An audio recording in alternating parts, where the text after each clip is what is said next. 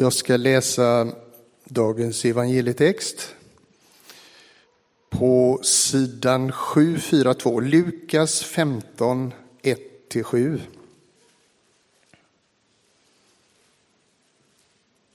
Alla tullindrivare och syndare sökte sig till Jesus för att höra honom. Fariseerna och de skriftlärde förargade sig och sa, den mannen umgås med syndare och äter med dem. Då gav han den denna liknelse. Om någon av er har hundra får och tappar bort ett av dem, lämnar han då inte de 99 i öknen och går och letar efter det borttappade tills han hittar det. Och när han hittat det blir han glad och lägger det över axlarna. Och när han kommer hem samlar han vännerna och grannar och säger till dem, gläd er med mig, jag har hittat fåret som jag hade förlorat. Jag säger er, på samma sätt blir det större glädje i himlen över en enda syndare som omvänder sig än över de 99 rättfärdiga som inte behöver omvända sig. Så lyder det heliga evangeliet. Lovad vare du, Kristus. Vi ber Gud om öppna sinnen. Vi ber om förmågan och nåden att lyssna in din ton i det som sägs i dagens förkunnelse. Och vi ber om din helige Andes ledning i att ta vara på det som vi får idag. Amen. Det stod en, i GP stod det en fascinerande berättelse om det australiensiska fåret Chris som hade varit vilse i över fem år. Ingen hade nämligen klippt honom på så lång tid. Att Chris var riktigt illa ute, det förstår vi ju när man läser GP, när man skriver att... Ja, där kommer han, ja. Har ni sett ett sådant får? Alltså detta är fascinerande. Ja, GP skrev så här. Det var i grevens tid han blev hittad norr om Canberra för han kunde knappt gå själv. Han bar då på 40 kilo ull. Han klarade det. Han blev till slut funnen. Han återvände till den gården som han kom ifrån. Där, han, där blev han klippt och han fick i ordning på sitt tjorv. Och han fick livet tillbaka. Det, alltså den här berättelsen är ju lite i din linje där Mattias. Kring ankorna här i inledningen. Jag går bara på det spåret. Dagens tema är förlorad och återfunnen. Och jag vill börja med att säga någonting om vår benägenhet som människor att gå vilse. För den benägenheten har vi. Men det ser lite olika ut för oss. Och jag kommer tala utifrån tre stycken områden i vår person. Som kan gå vilse och som behöver bli räddat. Jag vill tala om det kraschade jaget. Jag vill tala om det välmående jaget och jag vill tala om det intellektuella jaget. Så låt oss börja med det kraschade jaget. Som människa kan man ju hamna så illa ut att livet känns som allt, som om allt hopp är ute. Man har kraschlandat så hårt att allting av värde har gått sönder. Man är på något sätt i sig själv på ruinens brant. Och det är en utomordentligt svår situation att vara i och befinna sig i. När livet ser ut på det viset. Men när vi läser evangelietexten så visar den också att hjälp är på väg genom Jesus Kristus. Alltså att det är möjligt att vara förlorad och bli återfunnen. Våra liv kan vara lika tilltrasslade som Chris och hans hårbulle som han har. Alltså våra liv kan vara på det viset. Och vi kan vara i akut behov av aktiv hjälp i våra liv. Och Gud, han söker varje kraschat jag. Det förstår vi av texten. Om någon har, av er har hundra får och tappar bort ett av dem, lämnar han då inte de 99 och går och letar det borttappade tills han hittar det? Alltså, han är tydligen inte den som ger upp. Han letar efter det tills han hittar det. Han är inte en sån som gör någonting 75 procent. Nu har jag gjort färdigt detta. Han letar till han hittar det. Det är en nyckel i den här texten. Det kan ju också vara så här att det kan vara ett hopp för dig som ber för någon människa som du önskar ska på något sätt komma andligt till rätta eller som ska på något sätt få ordning på sina vingar eller sitt liv eller hur man nu säger det. Gud ger tydligen inte upp om världens alla kraschade jag. Och det är fascinerande att läsa hur Jesus genom evangelierna är väldigt, väldigt uthållig i detta att han söker sig längst bort till människorna med de kraschade liven. Och det gör han också i vår text. För fariseerna som fanns här, de är ju provocerade av Jesus. Av att han gick till dem, att han åt med dem, att han fanns där. För det var sannerligen varken socialt eller religiöst accepterat att investera tid i människor med allt för kraschade liv. Och Jesus berättar den här liknelsen till fariseerna för att någonstans också klargöra för dem och för oss vad hans uppdrag är. Och där är han ju supertydlig.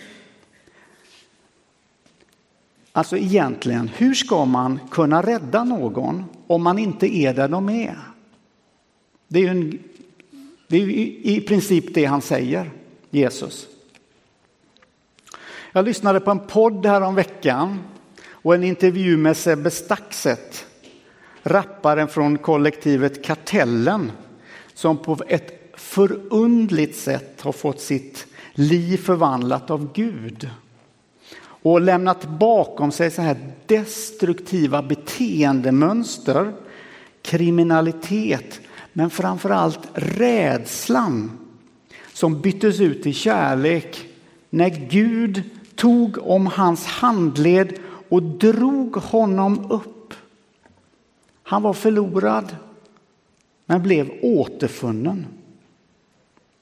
Men ett kraschat jag behöver inte alltid synas utåt. Det behöver inte vara så där så att man ser det direkt. Det kan pågå inom mig själv.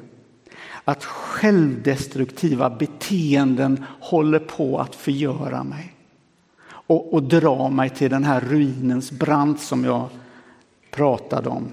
Och ensamheten där inne blir outhärdlig.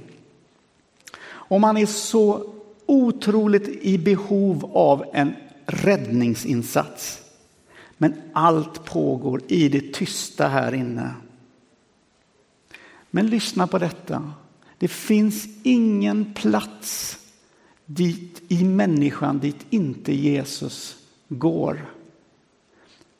När han vill rädda och befria. Han ger aldrig upp av en enda anledning. Att hans kärlek driver honom, för honom framåt, närmare den som behöver hjälp. Men låt oss säga någonting också om det välmående jaget. Alltså det är det i oss som inte ser något större behov av att bli funnet och räddat. Ja, det är en fin story det där med Sebbe Staxet kanske någon tänker, men alltså jag kan inte riktigt identifiera mig med den typen av berättelse. Den är alldeles för dramatisk. Jag känner inte igen mig alls. För jag lever ett ordnat och skötsamt liv och ett genomtänkt liv. Mitt sätt att se på världen hänger strukturellt ganska väl ihop. Jag trivs på jobbet, jag har vänner och en meningsfull fritid. Och jag försöker vara en bra människa så mycket och så gott jag nu förmår. Liksom.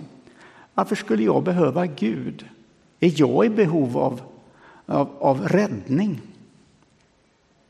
Jesus söker också människor med ett välmående jag, även om den här gruppen är svårast att nå.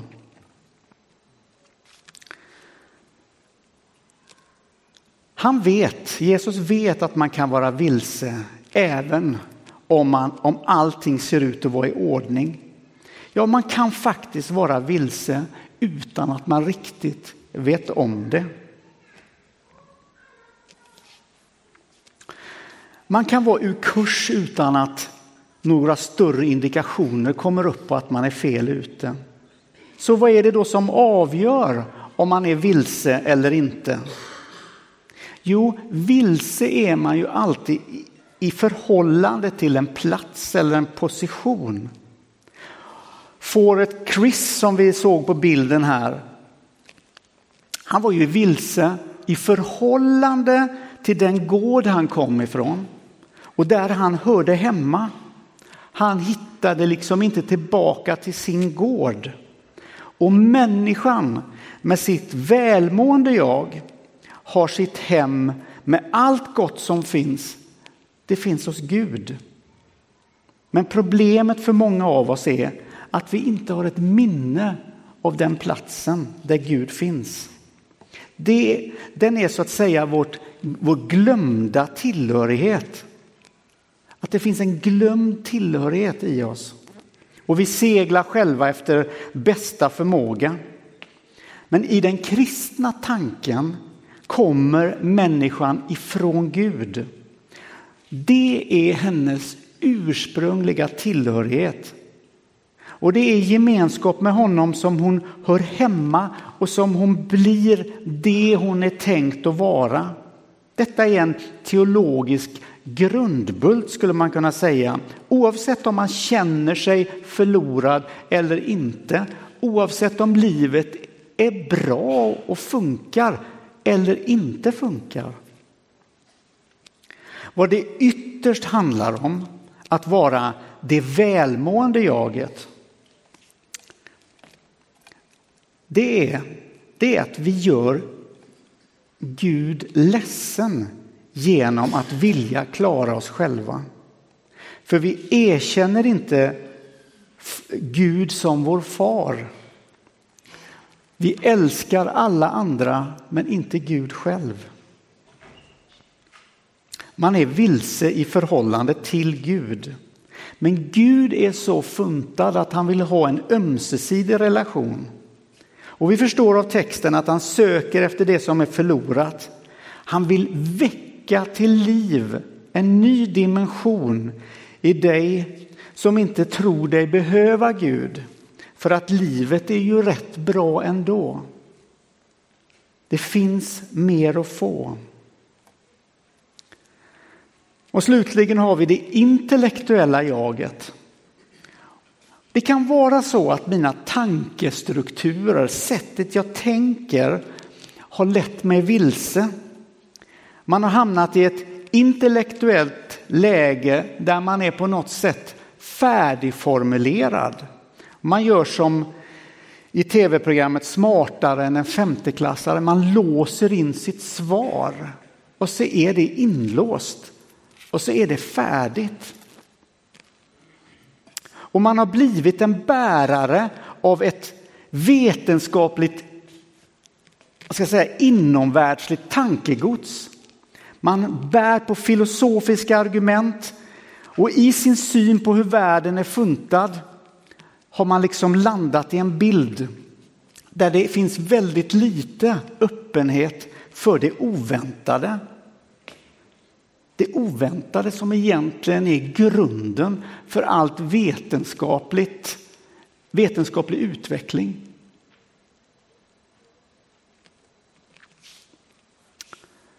Albert Einstein har sagt att det vackraste vi kan uppleva det är det oförklarliga. Så det intellektuella jaget lever i en tanketradition där det nära på är omöjligt att tänka att det skulle finnas en gud. Så det som det intellektuella jaget behöver räddas av Jesus ifrån det är hennes överdrivna tilltro till inomvärldsliga förklaringsmodeller. När kunskap inte leder oss till Gud utan bort ifrån honom. När vår kunskap inte förenas med en ödmjukhet för den stora gudsvisheten. Alltså att man står i relation till något större. Då är vi vilse. Så när Gud söker efter den intellektuella människan så öppnar han hos henne först ett litet fönster för möjligheten för det oförklarade, för undret. Det där fönstret kan vara väldigt, väldigt litet. Men det går att öppna.